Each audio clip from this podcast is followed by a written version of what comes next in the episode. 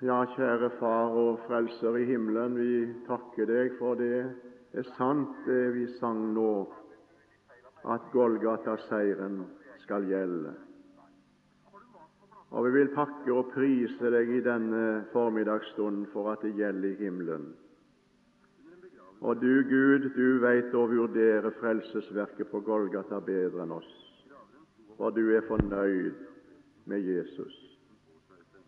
Du har fått tilfredsstillelse og fred i ditt hjerte, for frelsesverket er fullbrakt, og nå gjelder det himmelen. Vil du vise oss det i denne stund, kjære Jesus, at uh, din seier, den skal gjelde fremdeles, og at vi må få lov til å hvile i det og vite det at det er de naglemerkede hender som styrer verdensgangen, historien. La oss få møte deg, Jesus, slik at vi får kjenne det, at vi er tilfreds også vi, og får hvile i det du har sagt i ditt ord. Tal nå til oss gjennom denne bibeltime. Og Nå vil jeg be deg, Jesus, om at du må ta min tunge og temme dens tale, og gjøre den til din sannhetstolk, så jeg levende kan male Kristus deilig for mitt folk. Amen.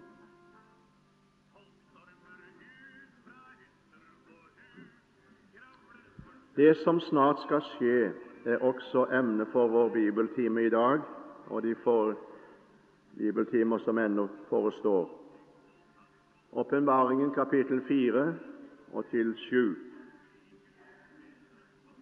Nå har vi sett lite grann på det første som skal skje, og det er ingen tvil hos meg, det er min overbevisning, at det første som skal skje, det er bortrykkelsen. Og Det har vi talt litt om når det gjelder nå de 24 eldste som jeg tror eh, som sitter på troner rundt omkring tronen i himmelen. Det er et symbolsk tall for Jesu Kristi brud og menighet. De sitter på troner, og det skal ikke jeg komme lenger inn på nå. Jeg håper det at du er blitt overbevist om det ut ifra Skriften. Og Jeg vil gjerne si det er ingen interesse for meg å komme til et bibelkurs og snakke mine egne saker og mine egne meninger og mine egne tanker og hva jeg mener osv. Har så lite å bety hvis jeg ikke kan ha dekning for det i Guds ord. Og jeg tror det jeg har dekning for det når jeg taler om at de 24 eldste det er ikke englevesener, men det er mennesker som har vært på jorden, ifra hver stamme, folk og tungemål og ett, og som er blitt frelst inn i himmelen fordi blodet rant på Golgata. Du kjøpte oss til Gud med ditt blod. Det synger vi her, og det skal synges der.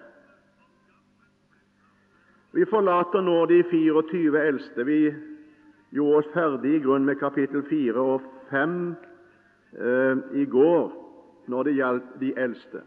Nå skal vi gå til kapittel 5 fra det første vers og lese om noe som nå skjer som det andre som Johannes får se eh, av dimensjoner, kan vi si, når det, han kommer inn i himmelen.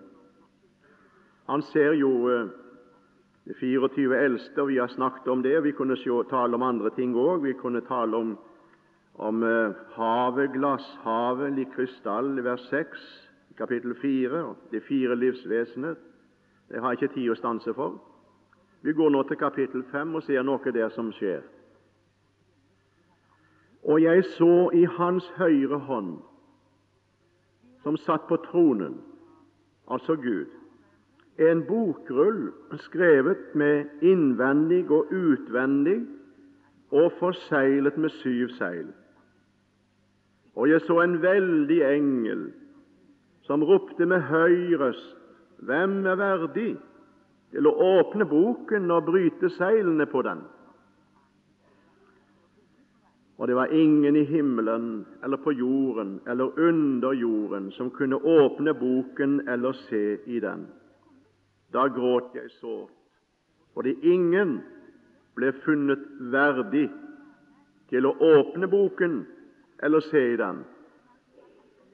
Og en av de eldste sier til meg, gråt ikke, Se, løven av Judas stamme, Davids rotskudd, har seiret. Han åpner boken, og det syv seil på den. Og jeg så midt imellom tronen og de fire livsvesener og de eldste et lam stå der, like som slaktet. Det hadde syv horn og syv øyne. Det er de syv Guds ånder som er sendt ut over all jorden. Og det kom og tok den av hans høyre hånd som satt på tronen. Og da det tok boken, falt de fire livsvesener og de 24 eldste ned for lammet, hver med sin harpe og med gullskåler fulle av røkelse, som er de helliges bønner. Og det synger en ny sang og sier, verdig er du til å ta boken og åpne seilene på den, fordi du ble slaktet og med ditt blod kjøpte oss til Gud av hver stamme, tunge, folk og ett. Vi går til kapittel 6 og les der de to første vers. Og jeg så da lammet åpnet ett av de syv seil, og jeg hørte ett av de fire livsvesener si med tordenrøst, Kom!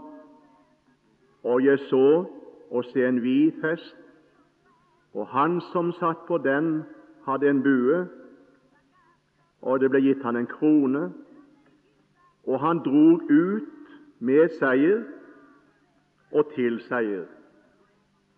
Amen.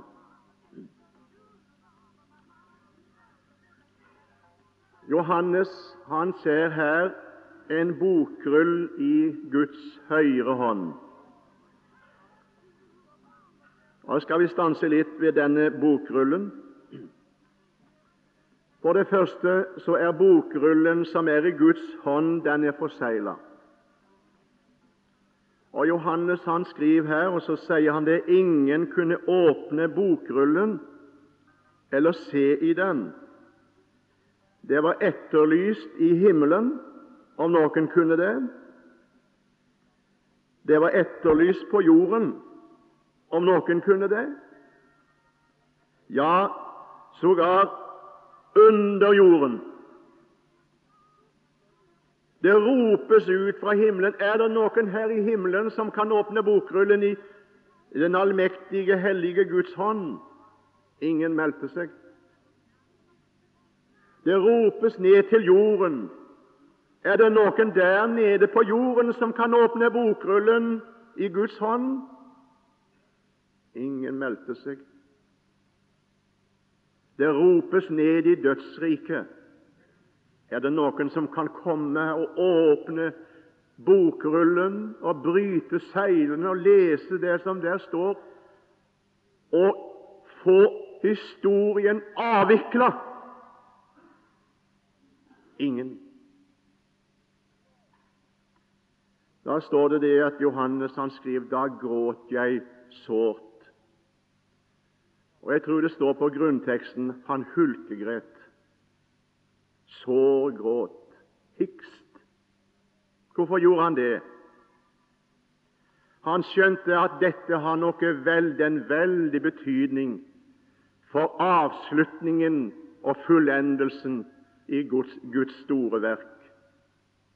Det er noe som må skje her nå, før at det kan fullendes. Og da må, bryte, må seilene brytes, og historien må, må, få gå sin gang.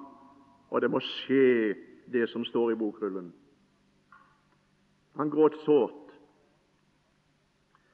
Bokrullen den var forsegla, sier Johannes. La oss stanse det litt videre med det første punkt. Den var forsegla med syv seil. Og vil jeg bare få illustrere det her lite grann. En bokrull som var forsegla, den var ikke forsegla med syv seil utenpå, som her. Om dette var nå en bokrull, så var det ikke syv seil her. Her, Det første ved bokrullen, det var ett seil. Det måtte brytes for å gå videre inn i bokrullen. Så kunne en lese det som står i bokrullen både på innsiden og utsiden, var skrevet på begge sider, det var vanlig det. Når det gjaldt overføringen av en eiendom, f.eks., så sto det om eiendommen slik den var, og eiendommens tilstand, forskjellige ting. Det sto på begge sider. Det skal jeg ikke komme inn på. Så brytes da det ene seil inn og kan lese det som står inntil neste seil. For da kommer det et nytt seil, og det må brytes.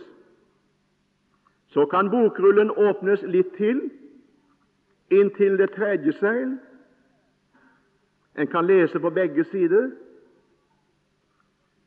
En går videre, leser det som står fra tredje seil til fjerde, femte, sjette, sjuende seil, og så er bokrullen åpen. Det er slik i historien, så dette er historisk. Slik var nemlig en bokrull forsegla.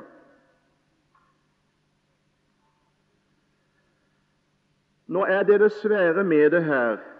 Johannes de, han gråt fordi ingen kunne det. Men la meg nå for det andre si den som skulle åpne denne bokrull, som har da med endetidens begivenheter å løse ut endetidens historie, som nå kommer videre, det som skal skje over denne verden, er det ingen som kan åpne og lese og løse ut. For den som skal gjøre det, han må være verdig til det. Og det er det andre. Den som skal åpne bokrullen, lese i den, se hva der står, og utløse disse tingene, for det skjer når lammet bryter seilene, som du ser her. Da skjer det. Da kommanderes det ut. Da går historien sin gang. Da kommer det ene etter det andre på løpende bånd framover. Da løses det ut de veldige krefter som ikke jeg kan komme inn på her, når det står mot endens tid og helt mot avslutningen. Den person som skal åpne bokrullen i Faderens hånd, i Guds hånd, han må være verdig til det. Derfor skjønner du det at Johannes han var helt fortvila. Det er jo ikke noen som er verdig. Og hva betyr det å være verdig? Verdig Du legger merke til to ganger så står det her den må være verdig. Dette uttrykket 'å være verdig' det er jo et uttrykk som kanskje er noe slitt hos oss. Vi vurderer kanskje verdigheten på en annen måte. Men la meg få lov å si tre ting her hva det ligger i dette å være verdig i dette, denne forbindelse. For det første så tror jeg det at den som skal være verdig til dette som vi nå taler om, det må være en person som har gjort en eller annen innsats som gjør at han står på et, et vi kan få, få lov å si det, på et ståsted der ingen annen står. Å være verdig i dette tilfellet er da å, å kunne ha noe å vise til, en innsats som er blitt gjort, som gjør at den personen er suveren. Ingen kan gå forbi han. For hvis noe skal gjøres og noe skal utføres, så må det være han, for han har en innsats bak seg som er han verdig. Skjønner du? Hvem er verdig? En person som har en innsats, og som har vunnet seg et navn.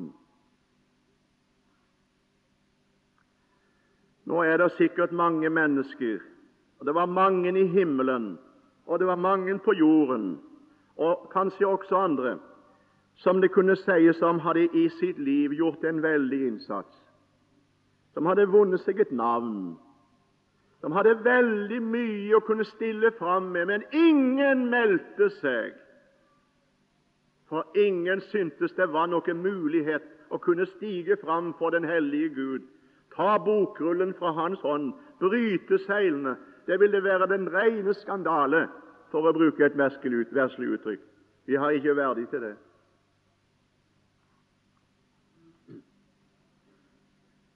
For det andre den som skal bryte seilene og åpne bokrullen, løse ut endetidens begivenheter, han må ha myndighet til det. Det må være en myndig person, en myndighet og en makt. Han kan kommandere det ut og si 'Nå er tiden kommet, vær så god'. Nå kan du komme. Nå kan det skje. Ingen har makt til det. Ingen i himmelen, ingen på jorden, ingen under jorden. Det var taust, for alle kunne kjennes på her er vi maktesløse, vi har ingen myndighet. Dette er ikke vår, vår, vår, vår sak, vi kan det ikke. Det er ikke vi som skal bryte seilene, for det har ikke noe med oss å gjøre. Det er omtrent som du får et brev som er et annen adressat. Så står du med det brevet i hånda. Det kan være et verdibrev, og så sier du dette brevet kan ikke jeg bryte, for det er ikke mitt. Det er ikke mitt. Jeg har ingen myndighet. Det hender det at det kommer brev i min postkasse ute på Bildøy som står rektor på. Jeg har ikke myndighet til å bryte det brevet og lese hva det står i rektors brev. Ingen makt til det, ingen myndighet til det. Jeg får bryte mine egne brev og lese dem. Og jeg må gjerne få si her må det være en som har myndighet, en som har makt, en som har overblikket, en som disponerer situasjonen og veit hvordan det skal fungere alt sammen, og, og har myndighet til å kunne si dette. Nå er tiden kommet, nå skal det skje, vær så god. Når Jesus sto på Galileafjellet sammen med sine elleve disipler, ifølge Matteus 28, så sa han noe idet han stiger fram. Og det ligger mye i dette, dere. Etter seieren meg er gitt all makt i himmel og på jord. All makt i himmel og på jord. Jeg vil gjerne få understreke dette her, at den som skal bryte seilene, åpne bokrullen og løse ut, må ha all makt i sin hånd. Myndighet og makt til det. Ingen kan det uten en. Og Nå tror jeg ikke det at Johannes han gråt for at, han, var, han var så nysgjerrig ikke fikk se hva som sto i den bokrullen, og høre hva det sto der. Det tror jeg ikke. Nei, nei. Men han forsto at dette er en alvorlig sak. Er det ingen, er det ingen, finnes det ingen som har verdigheten, og som har makten og myndigheten til dette? Da synes det er så fint, dere og det er det tredje jeg vil understreke. Det er noen som har greie på det. Og om vi kunne få lov å sagt det her Det er noen som har fått beskjed og veit så nøye at det finnes en. Det finnes en. Vet du hvem det er?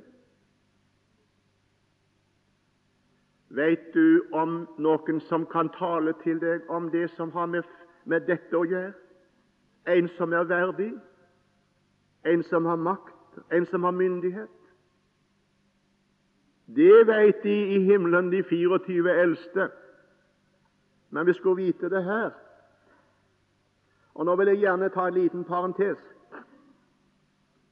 Der sitter noen i bibelkurset på Åkra denne, denne fine denne denne formiddagen, og som er bunden og på et eller annet felt og har det veldig vanskelig. Du er ikke sikker på om du er frelst engang. Du vet ikke om du er utenfor eller innenfor. Du er så usikker i hele din sak, frelsessak. Og Når vi snakker om dette å være frelst, er du ikke sikker på om du er det. Og så kjenner du, vet du at det er synd i ditt liv som binder deg, som gjør det vanskelig for deg å tro at du er en kristen. Og så vet du om de ting som plager deg, og gjør det vanskelig for deg å være frimodig og vitne. Det finnes slike mennesker sikkert i denne forsamling. Og Jeg vil gjerne få lov å stille det spørsmålet Vet du om en som kan løse disse flokene? Jeg vet det. Mange av oss vet det. Og kjære unge eller eldre venn, hvem det måtte være, om du nå ville benytte disse kostbare dagene og timene her til å snakke med en av de eldste å holde oss i bildet. Snakke med en av de troende om dine problem og dine vanskeligheter, og hvor det kan hjelpe. En som kjenner til en som kan løse. En som kjenner til en som kan bryte lenkene. En som kjenner til en som kan åpne din sak og føre den ut i lyset og ordne det for deg. Jeg veit om en som kan det, nemlig. Og kjære venn som er her på møte og bibeltimen i formiddag. Det er denne personen som blir presentert i himmelen for Johannes. Det er han. Og det var én som kunne stille gråten hos Johannes, så, så hulkegråten, hikstgråten, den stilna i apostelen sin hjerte. Gråt ikke, Johannes. Gråt ikke. Slutt å gråte. Det er én, én som kan bryte seilene. En som kan åpne bokrullen. En som kan få det til å fungere, det hele.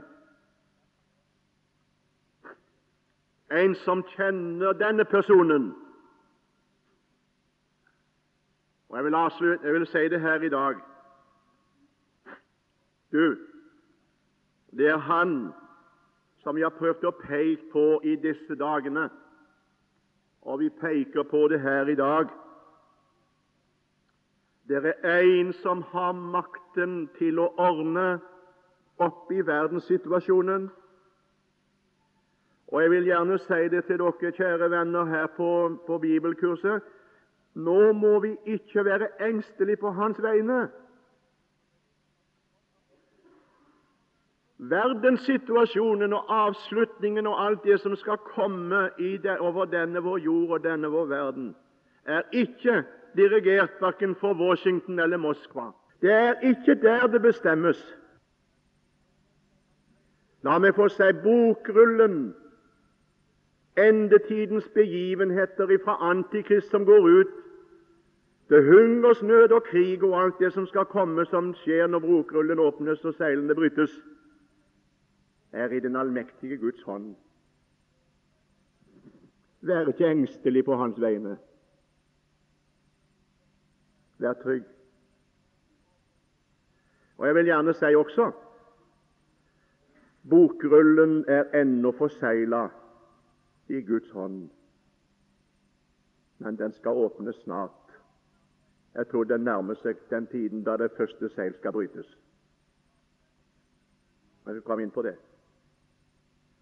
Men det er én som har makt og myndighet og er verdig til det.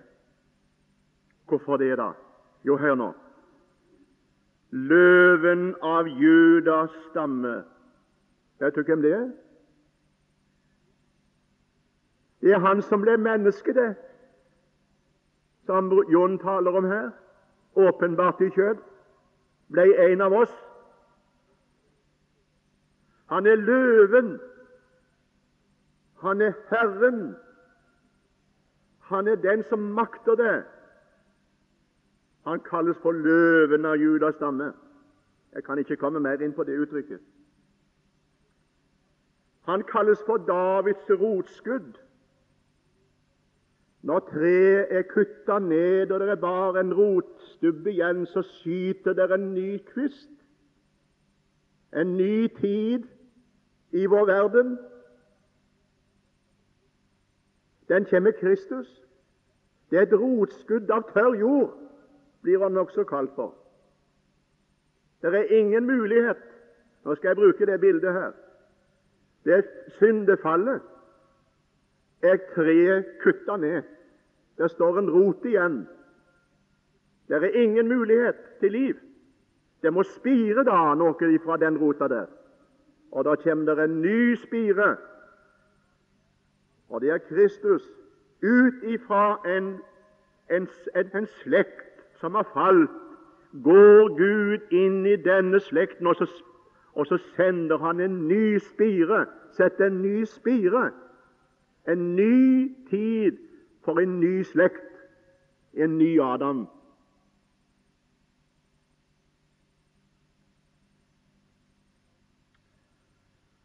Jeg kan ikke komme mer inn på det. Davids rotskudd har seiret og kan åpne boken og bryte seilene. Og Så talte vi om det i går, at de 24 eldste falt ned. Når de hørte det, så falt de ned. Og så sier de, og så synger de en ny sang, står det. Og så sier de, verdig er du til å ta boken og åpne seilene på den, fordi du ble slaktet og med ditt blod kjøpt oss til Gud, og hver stamme og folk og tunge og ett. Du, Jesus Kristus, er den eneste verdige. Han er den som har makten og myndigheten. Han er den suverene. Og skal jeg få lov å si det her i denne stund i forbindelse med det vi taler om nå, om jeg kunne få sagt det slik at du som sitter på møte og bibeltimen i formiddag, kunne få glede deg over det for din del. Jeg vil gjerne få lov å si det slik Jesus, landet, har seira over alle våre salighetsfiender. Seieren er suveren på alle felter. Han har seira over Satan. Han har seier over døden. Han har seier over synden. Og seieren er forsikra i himmelen. Golgata-verket gjelder der oppe.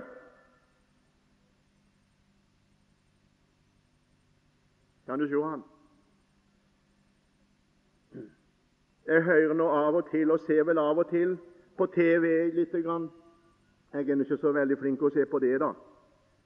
Men jeg har iallfall hørt grann at de, de sier det at når, når, de, når, de, har disse store idrettsbegivenhetene, enten det er på lokalplan eller det er på landsplan eller hva det måtte være, så, så roper de når de ser det er, er seier, så roper de 'Seieren er vår'. Seieren er vår. Jeg har ikke vært med å rope det. Jeg kommer til å gjøre det heller. Men uh, jeg hadde lyst fra denne talerstol i Åkerhallen i formiddag å rope det ut på en annen måte når jeg ser Jesus i himmelen og hører det i min ånd. Lammet har vunnet. Slik sies det da i det fremtidige, når Guds menighet sitter i himmelen. Da skal det sies.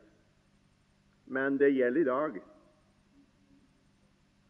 Bare den forskjell, du, at i dag seter Jesus ved Faderens høyre side, går i forbønn for oss, er en soning for våre synder, taler vår sak, for vi er ikke kommet fram ennå. Hele veien framover skal han holde det gående. Han viser seg for Guds åsyn for vår skyld. Men når vi er flytta oven og kommet bort ifra, og bortrykt og kommet hjem, ja, så skal du se det at da er hans funksjon også der som øverste prest, og som forbeder for oss, og som talsmann for oss. Da er det slutt. Og når Johannes ser han, så ser han han ikke på tronen lenger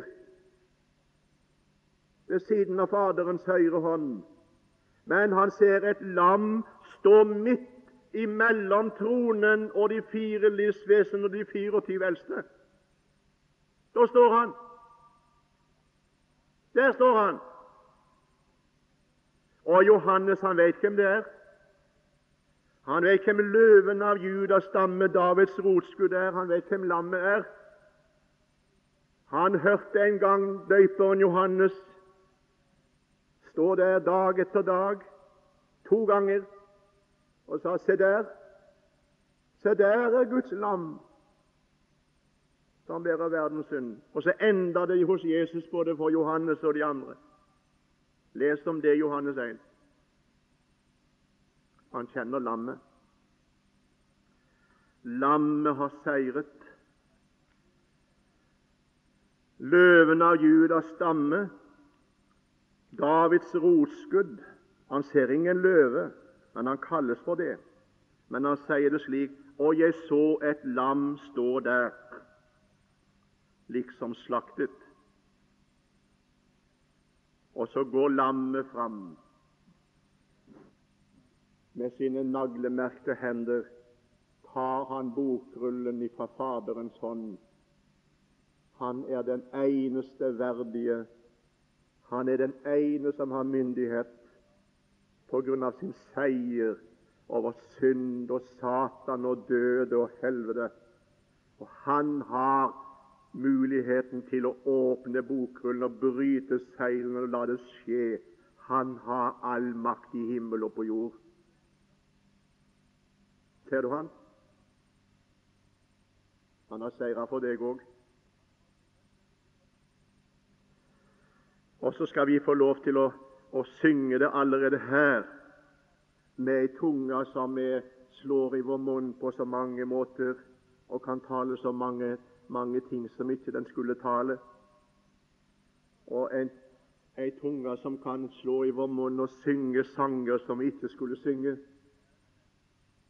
Men når vi sitter i himmelen nu og kommer fram, da skal det synges for fullt i en fullkommen sang.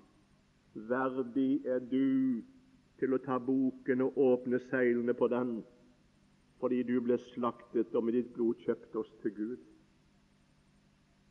Men han er verdig der han sitter nå,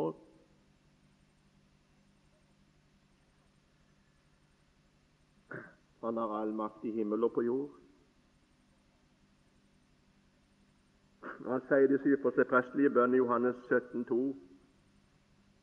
Du har gitt han makt, sier han til sin himmelske Far over all kjøtt, for at skal, han skal gi evig liv til alle dem som du har gitt ham. Så skjer da det store at lammet tar bokrullen og bryter seilene. Og hva skjer så? Nå skal vi gå til kapittel 6. Vi må skynde oss lite grann. Vi skal jo videre til kapittel 7 også. Lammet bryter det første seil. den første seil på bokrullen.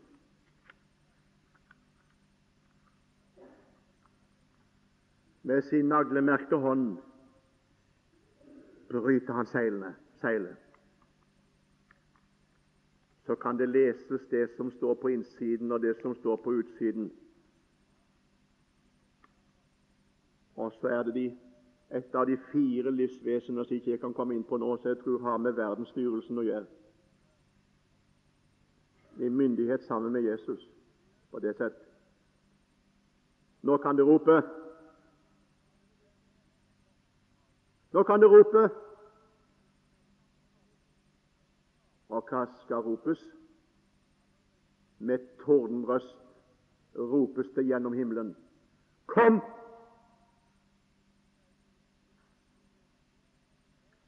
Så ser Johannes det ries ut en hvit hest. Denne personen som sitter på hesten, har en bue med piler.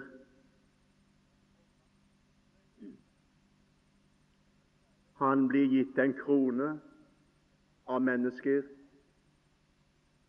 Vi kroner deg. Vær så god, kronen på hodet. Vi hyller deg. Vi setter kronen på ditt hode. Nå kan du ri ut, for du har jo seiret. Og nå kan du ri ut til seier. Vær så god.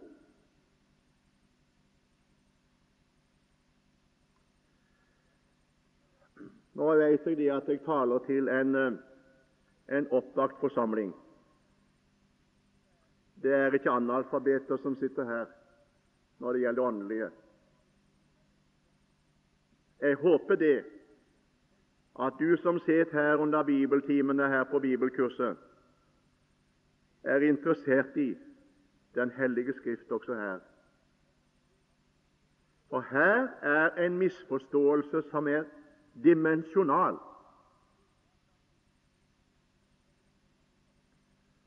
Og jeg må gjerne her få si det. Så langt som Gud har gitt meg lys over sitt ord, kan jeg aldri noen gang godta den, den tolkning at den mannen på den hvite hesten er Kristus.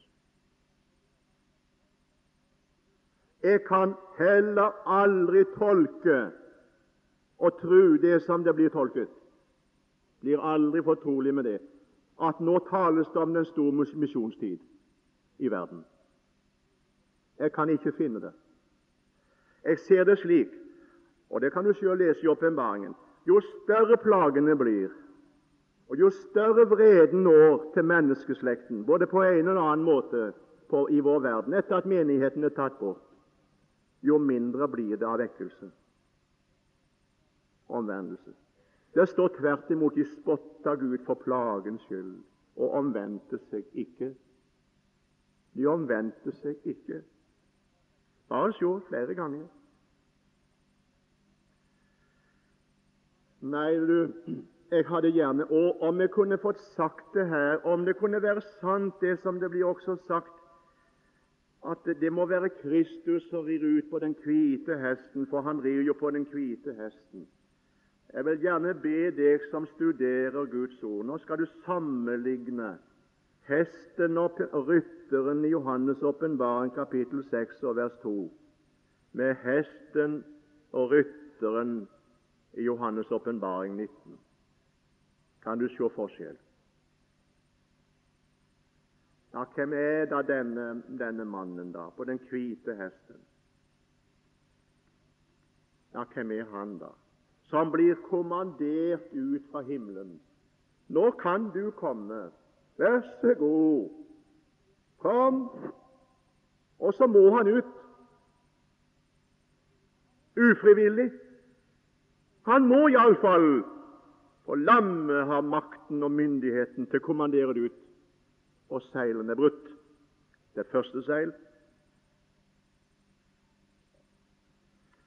I neste bibeltime skal jeg tale om det, hvem denne mannen er på den hvite hesten.